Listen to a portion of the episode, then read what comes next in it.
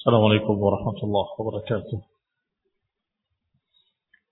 إن الحمد لله نحمده ونستعينه ونستغفره ونعوذ بالله من شرور أنفسنا ومن سيئات أعمالنا من يهده الله فلا مضل له ومن يضلل فلا هادي له وأشهد أن لا إله إلا الله وحده لا شريك له وأشهد أن محمدا عبده ورسوله صلى الله عليه وعلى آله وأصحابه والتابعين وتابع التابعين ومن تبعهم بإحسان إلى يوم الدين. يا أيها الذين آمنوا اتقوا الله حق تقاته ولا تموتن إلا وأنتم مسلمون. يا أيها الناس اتقوا ربكم الذي خلقكم من نفس واحدة وخلق منها زوجها وبث منهما رجالا كثيرا ونساء واتقوا الله الذي تساءلون به والأرحام إن الله كان عليكم رقيبا يا أيها الذين آمنوا اتقوا الله وقولوا قولا سديدا يصلح لكم أعمالكم ويكفر لكم ذنوبكم ومن يطع الله ورسوله فقد فاز فوزا عظيما. أما بعد فإن خير الحديث كتاب الله وخير الهدي هدي محمد صلى الله عليه وعلى آله وسلم. وشر الأمور محدثاتها فإن كل محدثة بدعة وكل بدعة ضلالة وكل ضلالة في النار. إخواني في الدين أعزكم الله قوم مسلمين. رحمني ورحمكم الله. Kita lanjutkan kajian كتاب شرح العقيدة الطحاوية Al-Tahawiyah Yang sempat berhenti selama bulan Ramadan. Kita lanjutkan kembali dan mudah-mudahan masih ingat materinya yaitu masih berkisar tentang syafaat. Tentang syafaat Nabi kita Nabi Muhammad sallallahu alaihi wasallam. Dan terakhir kita bahas bahwa syarih wa huwa syekh Imam Ibn Abdul Aziz Al-Hanafi rahimahullah menyatakan an-nasu fi syafa'ati ala thalathati aqwal. Bahwa manusia dalam masalah syafaat ada tiga golongan.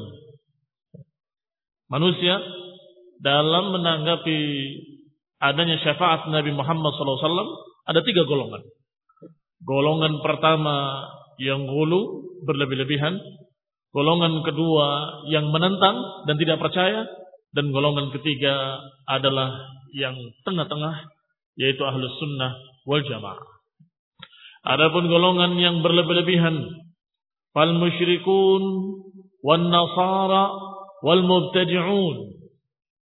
Di antara mereka adalah kaum musyrikin. Orang-orang musyrik menyembah Lata, Uzza dan Manat, semuanya dengan alasan meminta syafaat. Mereka berkata, haula'i syufa'auna 'inda Allah. Mereka adalah pemberi-pemberi syafaat kita nanti di sisi Allah Subhanahu wa taala. Demikian kata musyrikun. Kalau diperingatkan ata'buduna min dunillah ma la yanfa'ukum wa la yadhurrukum, apakah kalian menyembah selain Allah yang tidak memberikan pada kalian manfaat wala madarat? Mereka menjawab, haula'i syufa'auna 'inda Allah. Mereka pemberi-pemberi syafaat kita nanti di sisi Allah. Sehingga mereka menyembahnya supaya dapat syafaat. Mereka memohon meratap bukan kepada Allah. Tetapi kepada manusia-manusia tadi. Apakah orang saleh atau para anbiya. Dengan alasan meminta syafaat. Itu musyrikun. Wan nasara. Demikian pula kaum Nasrani. Terhadap Nabi mereka. Hulu berlebih-lebihan. Bahkan mereka tidak hanya menganggap Isa sebagai pemberi syafaat dan pembela.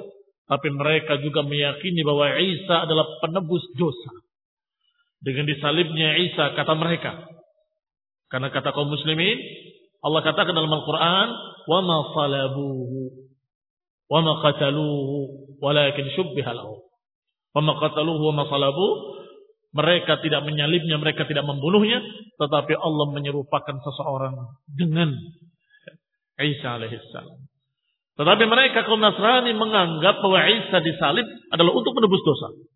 Sehingga mereka menganggap bahwa Isa sebagai pembelanya, penebus dosanya dan seterusnya dan seterusnya.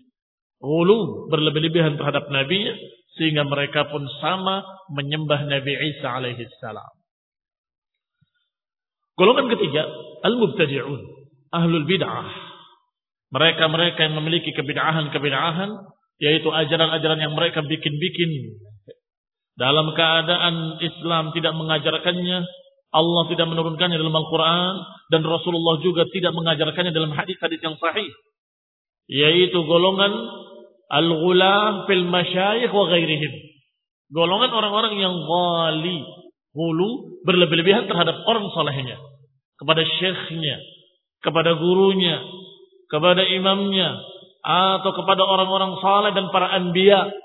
Dan mereka menganggap karena orang soleh dan para anbiya tadi memberikan syafaat, maka mereka datang ke kuburan-kuburannya, mereka bikin ritual-ritual untuk meminta syafaat.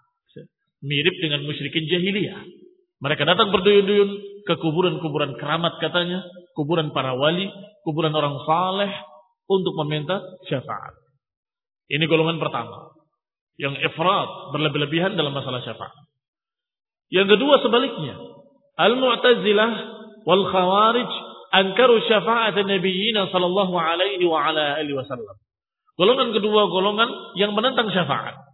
Yaitu kaum Khawarij dan kaum Mu'tazilah.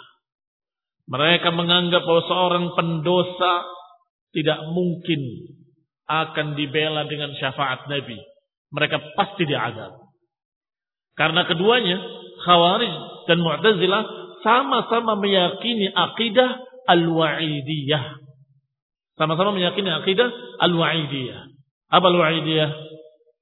Menganggap ancaman seperti janji. Mereka menganggap ancaman seperti janji. Kalau janji Allah sudah katakan dalam Al-Quran bahwa Allah la yukhlifullahu mi'ad. La yukhlifullahu wa'adah. Allah nggak akan menyelisihi janjinya. Dan Allah tidak mungkin menyelisihi apa yang telah dijanjikannya.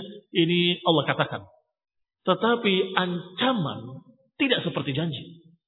Kalau mereka, Khawarij dan Mu'tazilah, menganggap bahwasanya ancaman pun sama. Janji juga. Barang siapa yang berbuat maksiat maka akan diazab. Maka itu janji.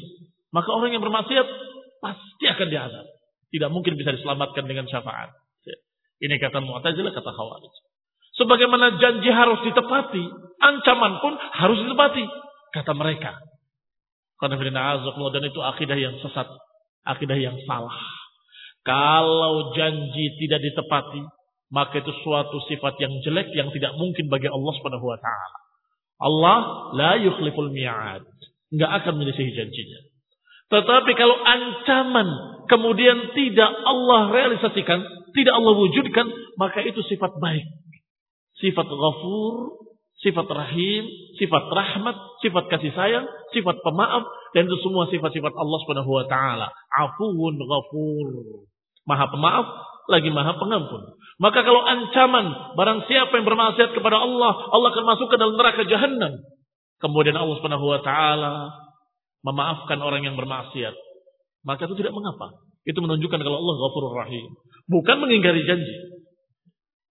Ini Allah akidah ahli sunnah membedakan antara ancaman dengan janji. Adapun khawarij dengan mu'tazilah menganggap sama. Ancaman pun seperti janji. Karena ancaman adalah janji-janji jelek kata mereka. Sehingga harus ditepati. Maka orang yang sudah diancam masuk neraka tidak mungkin bisa diselamatkan dengan apa pun walaupun dengan syafaat Nabi sekalipun kata mereka. Tetapi perbedaannya antara Khawarij dengan Mu'tazilah, kalau Khawarij menganggap mereka kafir, tetapi Mu'tazilah tidak menganggap mereka kafir. Tapi sama-sama meyakini bahwa di neraka mereka pasti akan kekal di dalamnya. Setiap ancaman dalam Al-Quran kata mereka selalu khalidina fiha, selalu khalidina fiha. Kekal di dalamnya, kekal dalamnya. Maka tidak mungkin orang masuk ke dalam neraka kemudian diselamatkan dengan syafaat. Mustahil kata mereka. Kata Mu'tazilah dan juga kata Khawarij. Saya hormati. Ini kesesatan mereka Mu'tazilah dan Khawarij bertentangan dengan kesesatan Mubtadi'ah dan musyrikin dan juga Nasrani. Golongan ketiga adalah ummatan wasata. Golongan yang tengah-tengah. Yaitu golongan yang tetap mengikuti sunnah-sunnah yang diajarkan oleh Rasulullah SAW. Yaitu ahlu sunnati wal jamaah. Yuqirruna bi syafa'ati nabiyina sallallahu alaihi wa ala alihi wasallam fi ahli al-kabair. Mereka menetapkan adanya syafaat yaitu syafaat Nabi kita Nabi Muhammad sallallahu alaihi wa ala alihi wasallam untuk orang-orang yang memiliki dosa-dosa besar.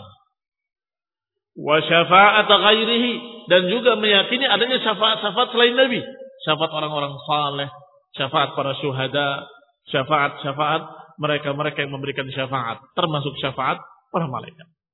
Tetapi ahlu sunnah La yashfa ahadun hatta ya'adhan Allah lahu wa yahiddu lahu hajja. Tetapi ahlu sunnah meyakini bahwa seorang tidak akan memberikan syafaat kecuali dengan izin Allah subhanahu wa ta'ala.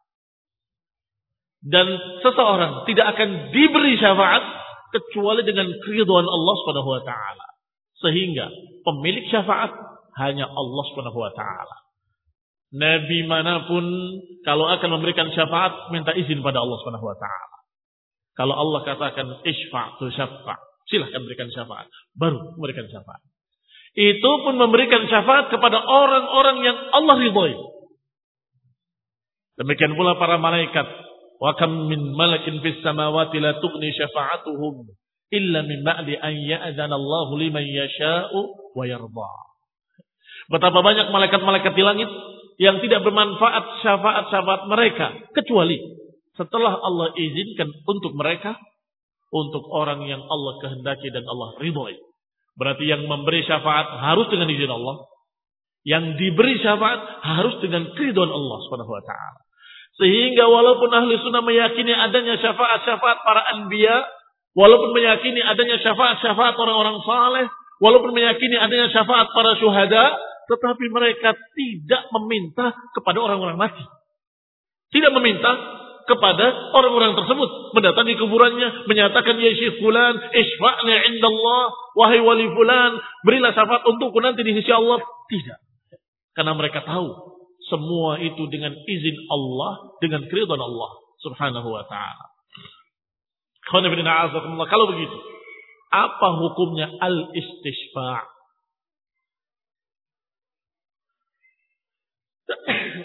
Alhamdulillah.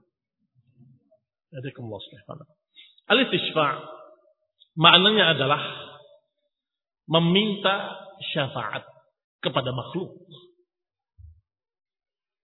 Qala al-istishfa' amma al-istishfa'u bin Nabi SAW wa ghairihi fi dunya ila Allah Ta'ala fi du'a fa fihi. Adapun meminta syafaat kepada Nabi atau kepada lainnya, pada makhluk di dunia ini, maka ada rincian.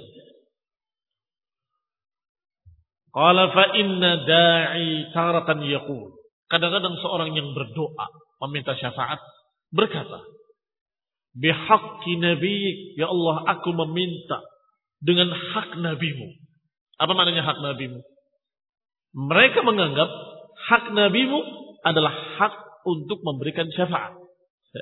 Hak untuk membela orang-orang yang dikehendaki Nabi. Padahal harusnya orang-orang yang dikehendaki Allah Subhanahu wa taala. Iya kan? Tapi mereka salah mengira bahwa dikatakan oleh mereka bihaqqi nabi dengan haknya nabimu. Atau bihaqqi fulan atau dengan haknya si fulan, si fulan. Apakah orang soleh atau orang yang syahid dianggap punya hak? Maka mereka berkata, aku meminta dengan haknya fulan. Orang yang berkata demikian, yuksim ala Allahi bi ahad min makhlukatihi. Orang yang berkata seperti itu berarti dia bersumpah dengan nama selain Allah Subhanahu wa taala di hadapan Allah Subhanahu wa taala. Maka yang demikian terlarang. Yang demikian mahdzur, yuhadzar, dilarang, diperingatkan jangan. Sebab itu mengandung sumpah dan di hadapan Allah lagi. Ya Allah, aku meminta dengan nama Nabi Muhammad SAW. Ini kurang ajar namanya. Apakah ada yang lebih tinggi dari Allah Subhanahu wa taala? Nabi alaihi wassalam adalah seorang yang terbaik bahkan sebaik-baik makhluk bukan sebaik-baik manusia. Tetapi kalau dibandingkan dengan Allah, beliau adalah makhluk. Allah lah al-khaliq. Kalau dibandingkan dengan Allah, beliau adalah Abdullah, hamba Allah. Allah lah pemiliknya. Allah lah penciptanya. Maka tidak pantas kita berkata di hadapan Allah, Ya Allah, aku meminta dengan nama Nabimu. Dengan atas nama hak Nabimu. Ini kekurangan ajaran pada Allah taala dan tidak pantas mengucapkan seperti itu.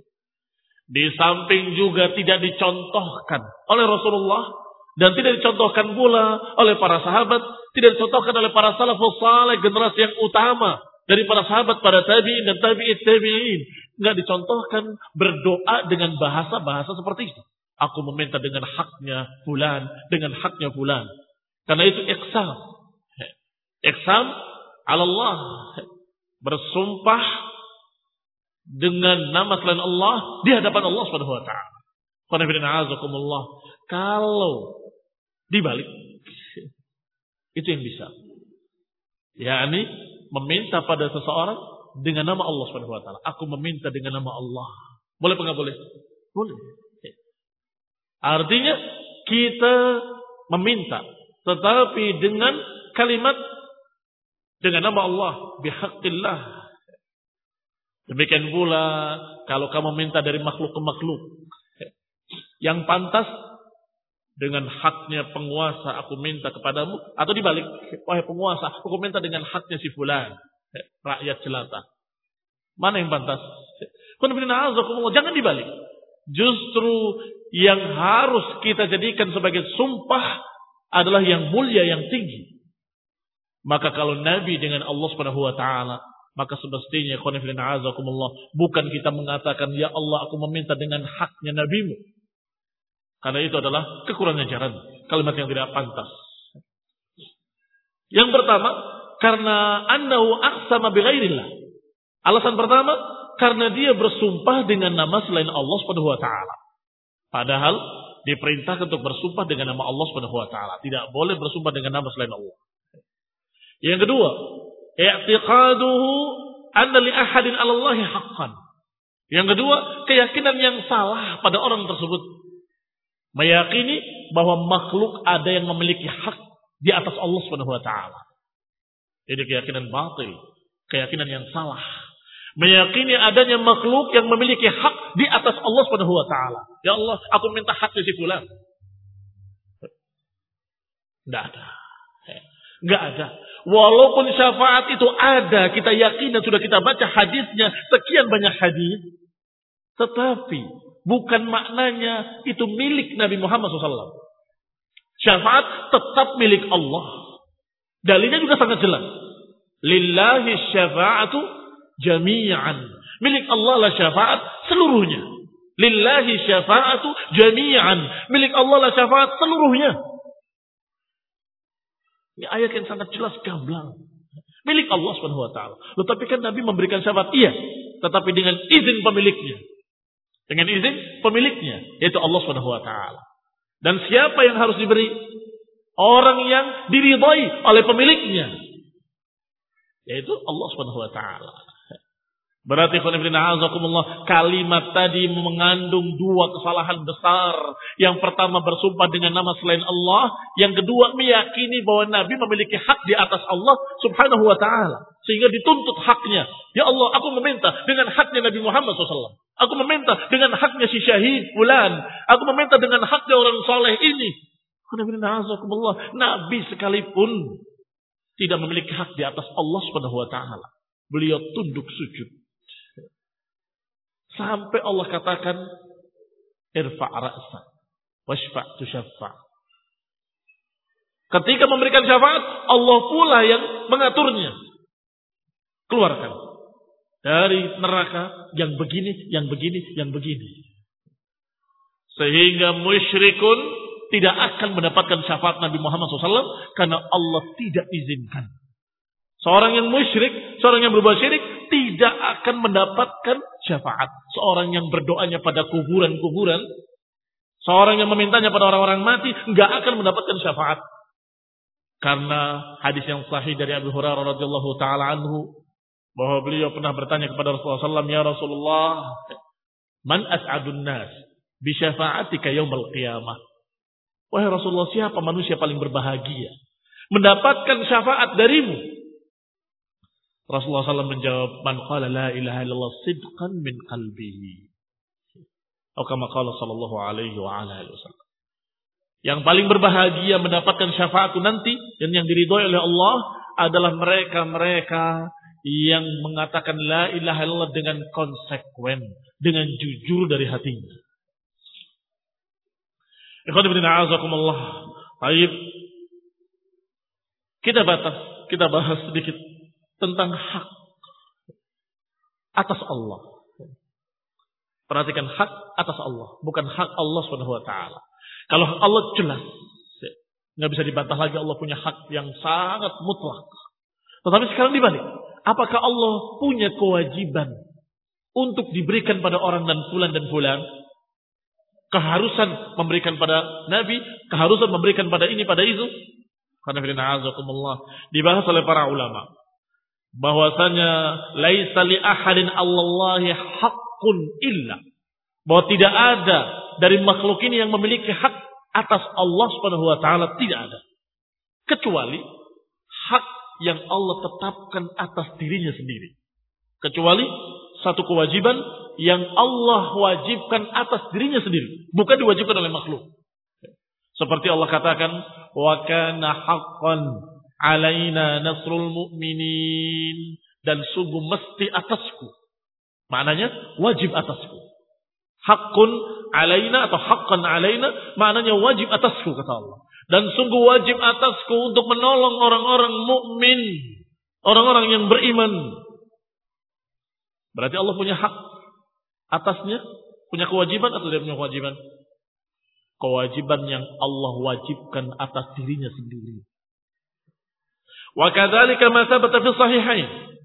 Demikian pula yang Allah Subhanahu wa taala kabarkan melalui lisan Rasulnya SAW.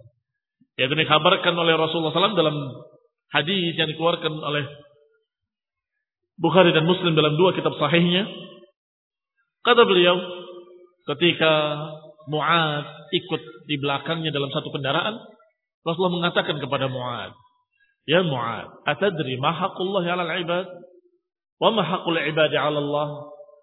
Wahai Mu'ad, tahukah engkau apa hak Allah atas hambanya dan apa apa hak hamba atas Allah Subhanahu wa taala?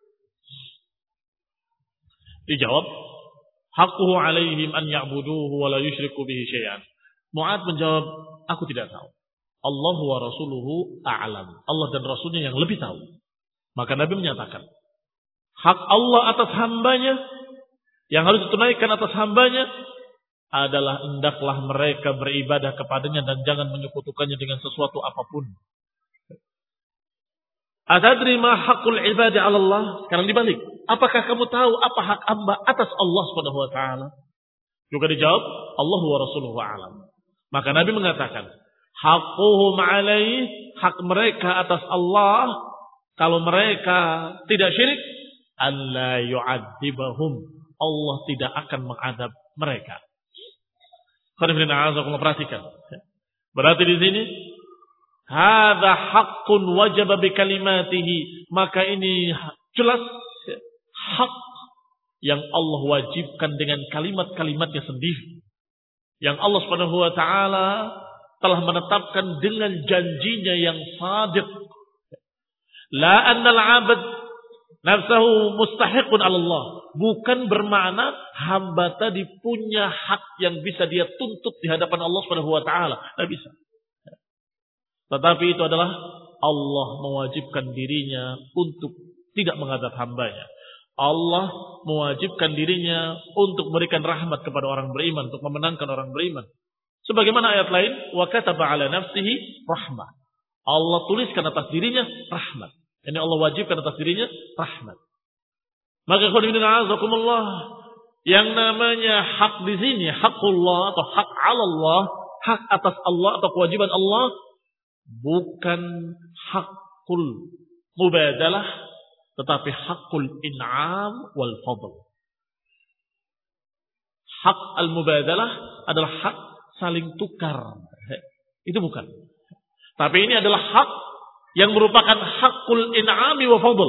Allah memiliki kewajiban atas dirinya yang Allah wajibkan atas dirinya sendiri. Yaitu memberikan in'am, kenikmatan-kenikmatan dan rahmat. Baik. Beda dengan hak yang sifatnya tukar. Seperti jual beli. Seorang yang sudah memberikan bayarannya, maka dia berhak untuk mendapatkan barangnya. Mana barang saya? Saya sudah berikan uangnya padamu, maka sini haknya. Baik. Tetapi berbeda. Kalau dia dalam keadaan beribadah kepada Allah, kemudian dia menuntut. Mana? Bayaran saya. Dibandingkan dengan kenikmatan yang Allah berikan pada matamu, pada tanganmu, pada kakimu, sehingga engkau bisa beribadah. Udah habis. Gak bisa menuntut Allah sedikit pun. Tinggal ditanya satu pertanyaan. Kenapa kamu kok bisa beribadah? Tidak bisa menjawab. Kecuali karena Allah subhanahu wa ta'ala. Khalas. Ya. Berarti semuanya dari Allah subhanahu wa ta'ala. Ya. Biqadaihi wa qadari. Dengan takdirnya. Dengan ketentuannya. Maka azakumullah. Jangan disamakan. Adapun Mu'tazilah menganggap dengan sama dengan kias-kias akli bahwasanya seorang yang beribadah adalah orang yang sudah memberikan sesuatu untuk Allah, maka Allah wajib bayar kepada saya. Kata Mu'tazilah. Dan itu keliru besar. Siapa yang dihisab illa udzib. Gak ada seorang pun yuhasab illa udzib. Gak ada seorang pun yang dihisab, dihitung amalnya kecuali pasti dihadap. Maka ditanyakan oleh Aisyah, "Ya Rasulullah, Bagaimana dengan hisaban yasira yang Allah sebutkan dalam Al-Quran? Dalikil ardu. Itu wahai Aisyah. Hanya ardu. Hanya ditunjukkan saja, nggak dihitung. Nih dosa-dosamu. Ketika orang itu sudah merasa akan binasa. Dikatakan oleh Allah, ini semua sudah aku tutupi di dunia dan aku ampuni hari ini. Masuk dalam jannah. Apa itu? In'am dari Allah Subhanahu wa taala, rahmat dari Allah Subhanahu wa taala. Kalau mau hitung-hitungan habis. Enggak akan ada sisa manusia. Tidak ada seorang pun dihizab illa udzib. Kecuali pasti akan dihazab.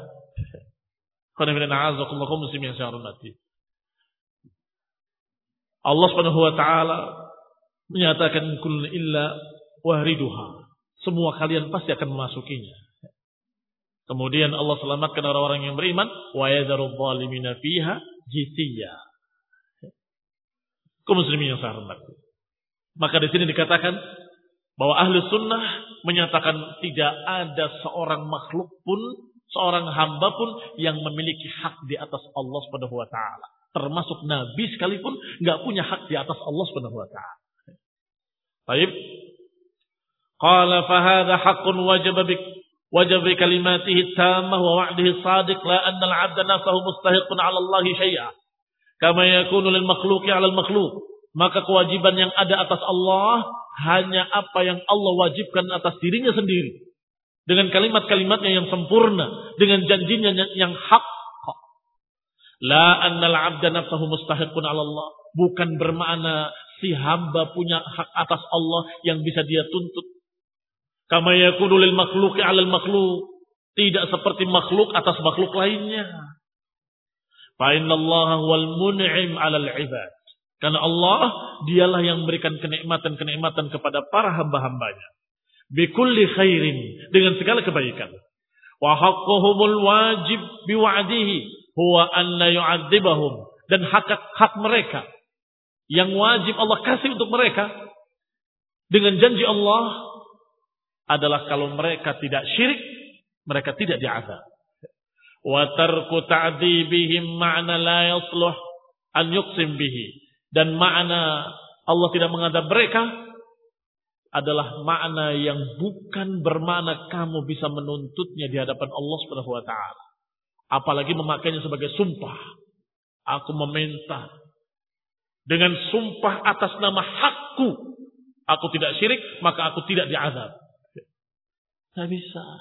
Kamu punya apa? Amalanmu seberapa?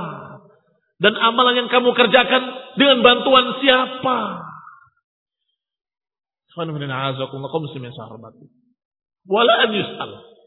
Bisa babihi. Dan tidak pantas pula untuk kita pakai hak tersebut. Untuk meminta pada Allah. Dan untuk bertawassul dengannya. Lianna sabab huwa ma nasabahu Allah sababan. Karena yang namanya sebab adalah apa yang Allah letakkan sebagai sebab. Yang namanya sebab adalah sesuatu yang Allah telah letakkan secara takdir sebagai sebab. Artinya yang Allah ajarkan dalam Quran atau yang Allah ajarkan melalui lisan Rasulnya SAW itu yang merupakan sebab-sebab. Kalau kamu ingin selamat, cari sebab-sebab selamat. Kalau kamu ingin tidak diadab, cari sebab-sebab tidak diadab. Mana sebab-sebabnya? Sebabnya adalah yang Allah telah gariskan dalam Al-Quran yang telah diajarkan oleh utusannya Rasulullah Shallallahu Alaihi Wasallam. Adapun apa yang mereka bikin-bikin dengan kalimat bihaqi nabiyina atau bihaqi Muhammad atau bihaqi syahid atau bihaqi fulan wa fulan atau bihaqi Abdul Qadir Jailani atau bihaq fulan ini semua tidak diajarkan sebagai sebab keselamatan. Tidak diajarkan sebagai sebab keselamatan la fil Quran wala fis sunnah. Barakallahu fikum.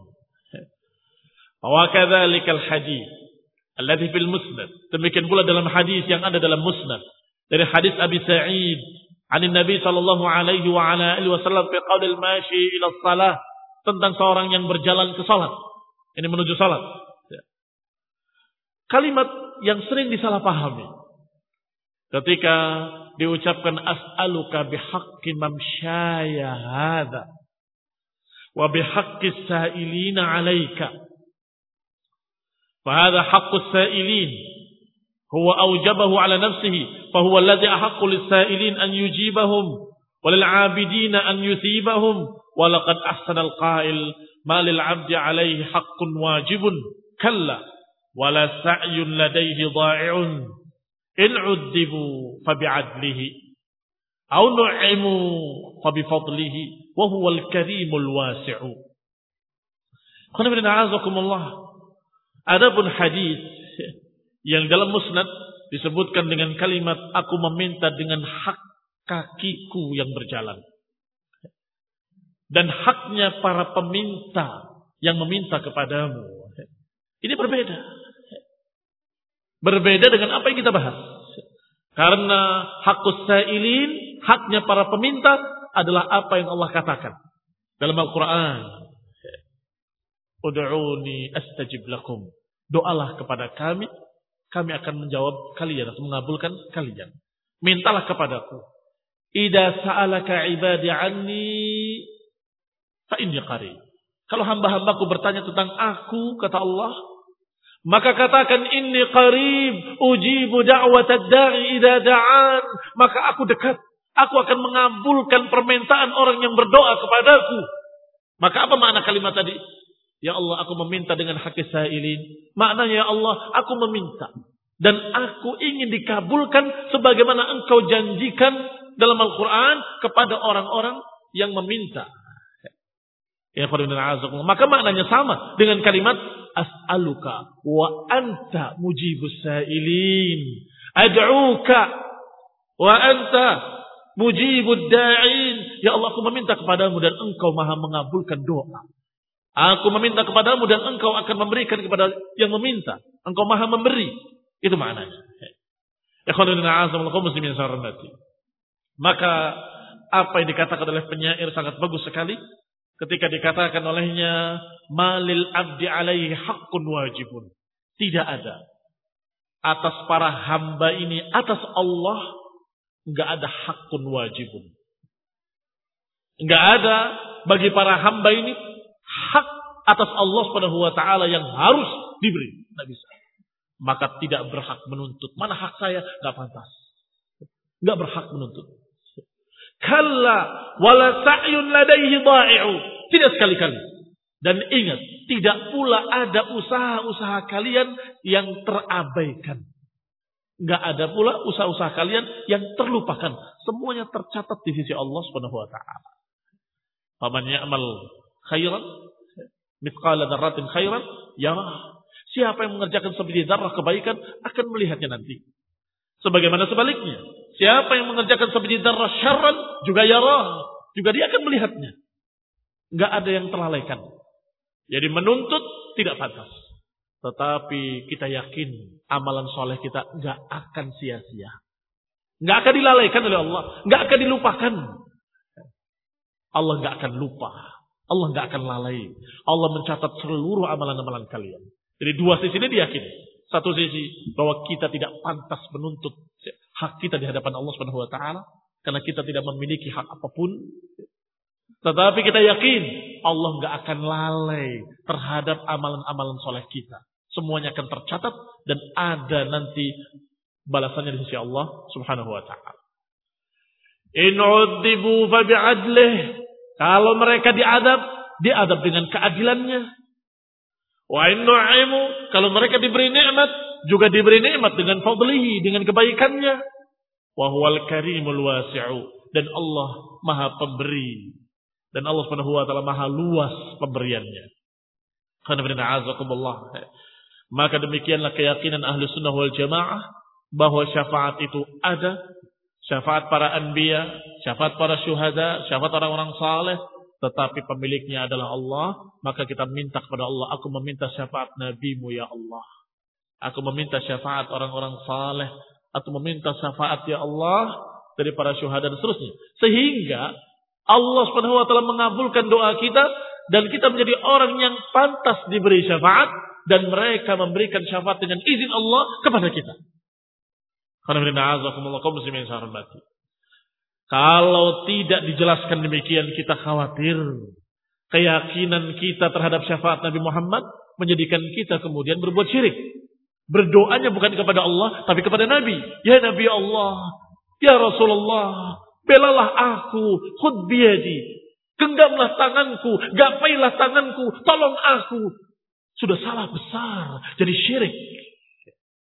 Yang harusnya menyatakan, Ya Allah, tolonglah aku. Ya Allah, selamatkan aku. Berubah dengan keyakinan tadi syafaat. Kemudian salah memahami. Kemudian dia berkata bukan kepada Allah, tapi kepada Rasul. Ya Rasulullah, Ya Habib Allah.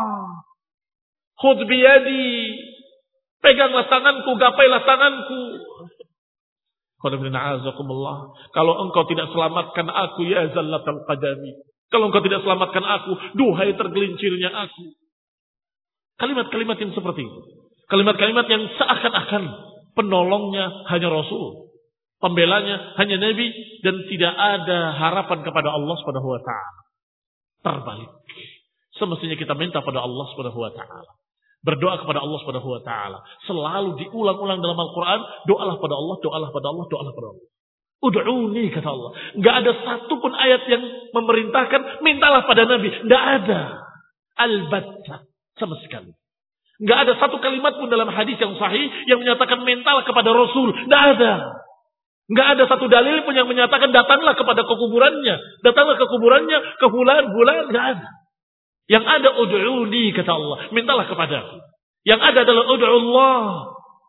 Yang ada adalah bermintalah pada Allah. Berdoalah kepada Allah. Merataplah kepada Allah. Maka jangan dirusak akidah kaum muslimin. Jangan sampai dirusak akidah kaum muslimin dengan kesalahpahaman sebagian kecil kaum muslimin. Kemudian merasa jadi dai, merasa jadi ustaz, merasa jadi penganjur umat kepada kebaikan, kemudian dia sampaikan kesalahannya, dia sampaikan kebodohannya, mintalah kepada Nabi, mintalah kepada Nabi. Wallah, ini orang sudah bal, mudil, sudah dia sesat, menyesatkan orang lain. Na'udzubillahi min dzalik. Kita berlindung pada Allah Subhanahu wa taala dari keadaan yang demikian. Fa in qila, kalau ada yang berkata, fa ayu farqin baina qawli da'i bihaqqi sa'ilin 'alaika wa baina qawlihi bihaqqi nabiyyik. Kalau ada tanya, lantas apa bedanya hadis tadi dengan ucapan bihaqi nabiyik. Ketika kita meminta bihaqi nabi, juga kita sama. Maknanya meminta, ya Allah aku meminta syafaat nabimu. Fal jawab, kalau ada yang berkata seperti itu, kita jawab. Anna ma'na qawlihi bihaqqi sa'ilin alaik annaka wa'adta sa'ilin bil ijabah. Adapun makna ya Allah aku meminta dengan haknya para peminta. Itu sangat jelas maknanya. Yaitu, Ya Allah aku meminta apa yang kau janjikan kepada orang-orang yang meminta. Yaitu, ucapan Allah, Udu'uni astajib lakum. Ini engkau akan memberikan, mengabulkan permintaan hambanya. Maka aku meminta haknya para peminta. Karena aku sedang meminta. Wa ana min. Dan aku termasuk orang-orang yang meminta. Maka pantas meminta haknya para peminta. Yaitu untuk dikabulkan. Fa'ajib du'ai. Maka maknanya adalah, Ya Allah kabulkan doa doaku karena engkau pengabul doa. Bikhilafi qawlihi. Berbeda dengan ucapan, aku meminta dengan haki ijabah. Doa hadas sa'il. Atau bihaqi fulanin wa fulan. Ya Allah aku meminta dengan haknya si fulan. Ada orang yang diangkat di hadapan Allah Subhanahu wa taala untuk menuntut Allah. Ya Allah, aku meminta dengan haknya si fulan, haknya Nabi dan seterusnya. Berbeda. Kalau tadi aku sedang meminta, maka aku ya Allah meminta haknya para peminta. Apa haknya para peminta? Dikabulkan doanya. Karena Allah menjanjikan, "Ud'uni astajib lakum." Atau ujibu da'watad da'i idza da'an. Fa'inna fulanan wa in kana lahu haqqun 'ala Allah biwa'dihi shadiq. Karena kalau dengan haknya si fulan dan si fulan, kalaupun kebetulan si fulan itu memang punya hak di sisi Allah, fala munasabata baina dzalika wa baina ijabati doa, tapi enggak ada kaitannya antara si fulan tadi yang punya hak di sisi Allah dengan apa yang sedang dia ucapkan dari doa, aku meminta. Kabulkan dengan haknya si fulan. Apa kaitannya? Haknya si fulan sendiri, doa kamu sendiri. Kalau yang tadi, doa kamu meminta. Dan yang diminta haknya, haknya para peminta. Yani hak kami para peminta. Cocok. Tapi kalau tadi, aku meminta kepadamu dengan hak si fulan. Si fulan bukan kamu dan kamu bukan si fulan. Kenapa kau minta hak Allah? Kau minta hak di si fulan dari Allah? Ini perbedaannya. Fala munasabata baina dzalika wa baina ijabati du'a hadha sa'il. Maka enggak ada kaitannya, enggak ada hubungannya antara pengkabulan doa dengan haknya orang itu dengan as-sa'il. Maka anahu yaqul kauni fulan min ibadika salihin ajib du'aya. Makna bebasnya doa dengan hak fulan hak fulan itu makna bebasnya begini. Ya Allah, Aku meminta kepadamu. Dan karena si fulan itu hambamu yang soleh, kabulkan doaku. Aneh enggak? Aneh kan? Karena si fulan soleh, kabulkan doamu. Lah kamunya soleh enggak? Kau minta haknya si fulan? Kesolehan si fulan jadi alasan. Aku meminta dengan haknya si fulan yang soleh, abid, taqi. Kabulkanlah doaku. Kamunya soleh enggak? Bertakwa enggak? Itu keanehan. Tetapi kalau yang tadi diajarkan oleh Rasulullah SAW, insahhat, kalaupun sahih hadisnya dalam musnad, disebutkan aku meminta dengan haknya para peminta. Karena aku meminta. Maka aku orang yang berdoa. Ya Allah, aku meminta kepadamu haknya orang yang berdoa, haknya meminta. Apa haknya orang yang berdoa? Allah sudah menjanjikan akan dikabulkan. Udu'uni astajib lakum. Sehingga maknanya aku berdoa kepadamu kabulkanlah ya Allah. Itu maknanya cocok. Klop. Tetapi kalau bermeminta, ya Allah aku meminta kepadamu bihaqi nabiyina. Aku minta kepadamu dengan hak nabi kita. Apa yang maksud? Aku meminta kepadamu ya Allah, kabulkanlah doaku. Karena nabi punya hak kan? Ya kan? Punya hak. Kabulkan doaku. Haknya nabi, bukan hakku. Ya. Karena kita akan lanjutkan lagi pembahasan ini insya Allah pada kajian mendatang bismillah taala. Subhanakallahumma hamdaka asyhadu an la ilaha illa anta astaghfiruka wa atubu ilaik assalamualaikum warahmatullahi wabarakatuh